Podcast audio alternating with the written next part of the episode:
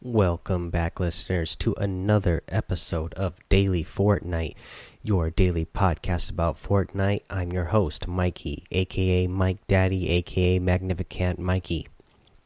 And we are now just mere hours away from Season 4.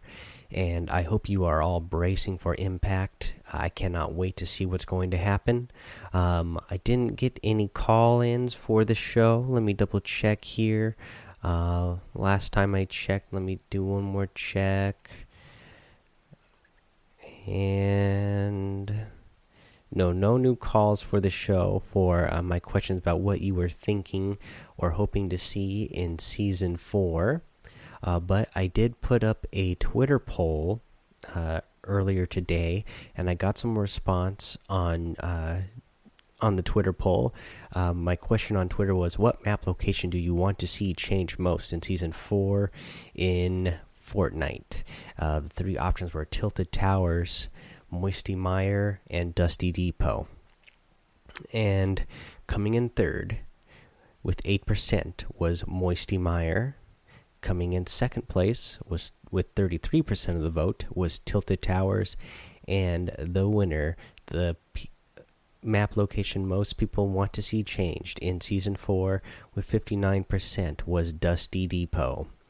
And uh, yeah, guys, so make sure you go follow me on Twitter. So um, I'm going to try to start being more active on there. Uh, ever since I started the podcast a month ago, I haven't been super active on Twitter, but I'm going to try to change that and be more active on Twitter, just tweeting things out and uh, doing polls as well. And you know try to be more interactive with you fans out there since I'm getting such a good response.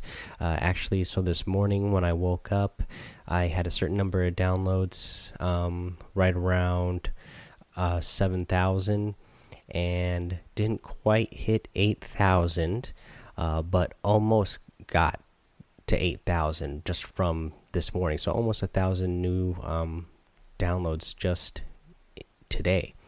Uh, which is pretty amazing. Um, hope so. You know, a couple of weeks into this, I couldn't believe the response I was getting. So I thought, oh, you know, I'll make a I'll make a goal to try to hopefully see if I can get uh, enough response out there and get 5,000 downloads this month.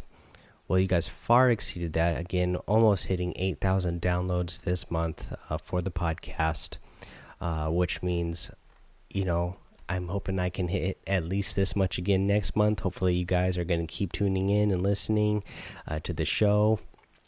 Um, you know, all throughout next month and all of season four, and we can continue to grow our show. Uh, you know, the number of uh, plays per episode keeps going again. That keeps going up every day. Uh, the average plays per episode, it's amazing to me. Uh, so thank you guys for the interaction uh, with the you know the calls uh, that I've gotten so far. Uh, thank you for the response on the twitters. Um, but yeah, season three is coming to an end. Uh, season four is going to start again. Uh, we're just a couple hours away from the scheduled downtime that is coming, which is going to be 4 p.m. Eastern time, 1 a.m. 1 a.m. Pacific time, which I am on. Uh, so we're just about three hours away from that at the time of this recording. Uh, sometimes it takes a little time for this uh, to to be sent out once it's uploaded. Uh, so I'm not sure by the time you hear it, maybe it'll be a little bit less than three hours. Uh, but uh, we're getting really close to the downtime, uh, which means tomorrow they'll probably have a big episode, um, you know, discussing what changes we see in uh, season four in Fortnite, uh, what map changes that we see right away. Um, I'm sure we're going to get some patch notes. So tomorrow I'll be bringing you those as well. Uh, we'll probably get some more information about, you know, not just what we see immediately in season four and Fortnite, but we will probably also get some, you know, notes and um, you know messages from Epic Games letting us know what their plans are overall for season four. So I can't wait to bring those to you as well.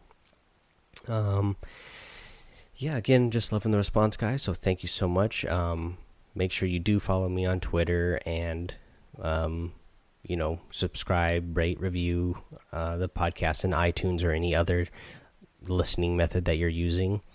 Also, um, go over to my Twitch and follow me there. Um, if you happen to have Twitch Prime, go ahead and use a sub there as well. Um, go over to my YouTube and subscribe to my YouTube channel. Um, it's gonna be because I'm gonna start, like I said, I'm gonna start trying to bring you guys a whole lot more content more often uh, and more consistently. Uh, so uh, the more, the more, uh, what's the word I'm looking for? The more uh, response I get, just the you know the more I'll, it'll keep me motivated. Um, but besides just giving a little update on what we're going to see in season four, uh, today I'll also give you a little tip as well, and it is um, about duos. I don't play a lot of duos myself. Again, I haven't really streamed any duos. Besides, I've played a couple of rounds with uh, my younger son. Uh, but uh, what I will say, so so when me and my son play, you know, he's only seven years old, so there's only so much that we can really go into depth on. But for you guys out there, when you're playing uh, Fortnite, if you're playing duos, make sure you really communicate. Communication is key. Um, you know, squads as well. You know, duos or squads as pertains to either. Make sure you're communicating and letting your team know what's going on. Um, you know, when you're when you are looking at, at the screen or the the display HUD on the screen, when you are taking fire uh, and you figure out which direction it's coming from, you know, you see the north, the northwest, south, and east on the compass at the top of the map. But there's also um, right below that is is the numbers that go around in 360 degrees, and call out that number as well because not only do you want to let them know that the fire is coming from the north or that you saw somebody in the north or the west or the east or the south you can tell you call out that number and the person uh, the other your other teammates are going to be able to uh, see that and get an exact um, location a lot better if you call out that number because uh, they can turn their screen until they get uh, to that point. Um, also if you're playing squads or duos again um, you know calling out and letting your team know what's going on is very helpful. And the way you can do another thing you can do is if you if you hit a shot on you know one of your opponents call out how much damage you did um, you know call out if it was damage to shield or if it was damage to health that way you your teammates kind of can gauge um, how much health that person might have left and if your teammate is an advan has an advantage um, in the situation that you are in. Um, your because your teammate he might be low health himself, um, and he might not, you know, want to go charge that person um, if if they're in that sort of bad situation. But if you call out, "Hey, I have that person really weak.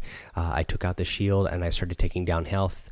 Um, I took out 50 health." If your opponent, I mean, if your teammate has shield and health they you know they might decide okay it's worth it for me to go rush that person because i know they're in a weakened state and they're probably panicking because they've already been taking damage so if your teammate goes and runs over there uh, after you've done damage uh, they're going to have a big they're going to have a big advantage over that opponent because one they've already been taking damage and now they're probably panicking so make sure you really communicate um, call out to your teammates let them know what's going on um, so make sure you turn on your mics, guys, and uh, really and really communicate and play. I see a lot of guys playing, and you know they they don't have their mics turned on, and you know you just don't uh, get as good of outcomes uh, if you're not communicating with your teammates, letting them know where fire is coming from or where the enemy is, or you know if they if they are weaker or not.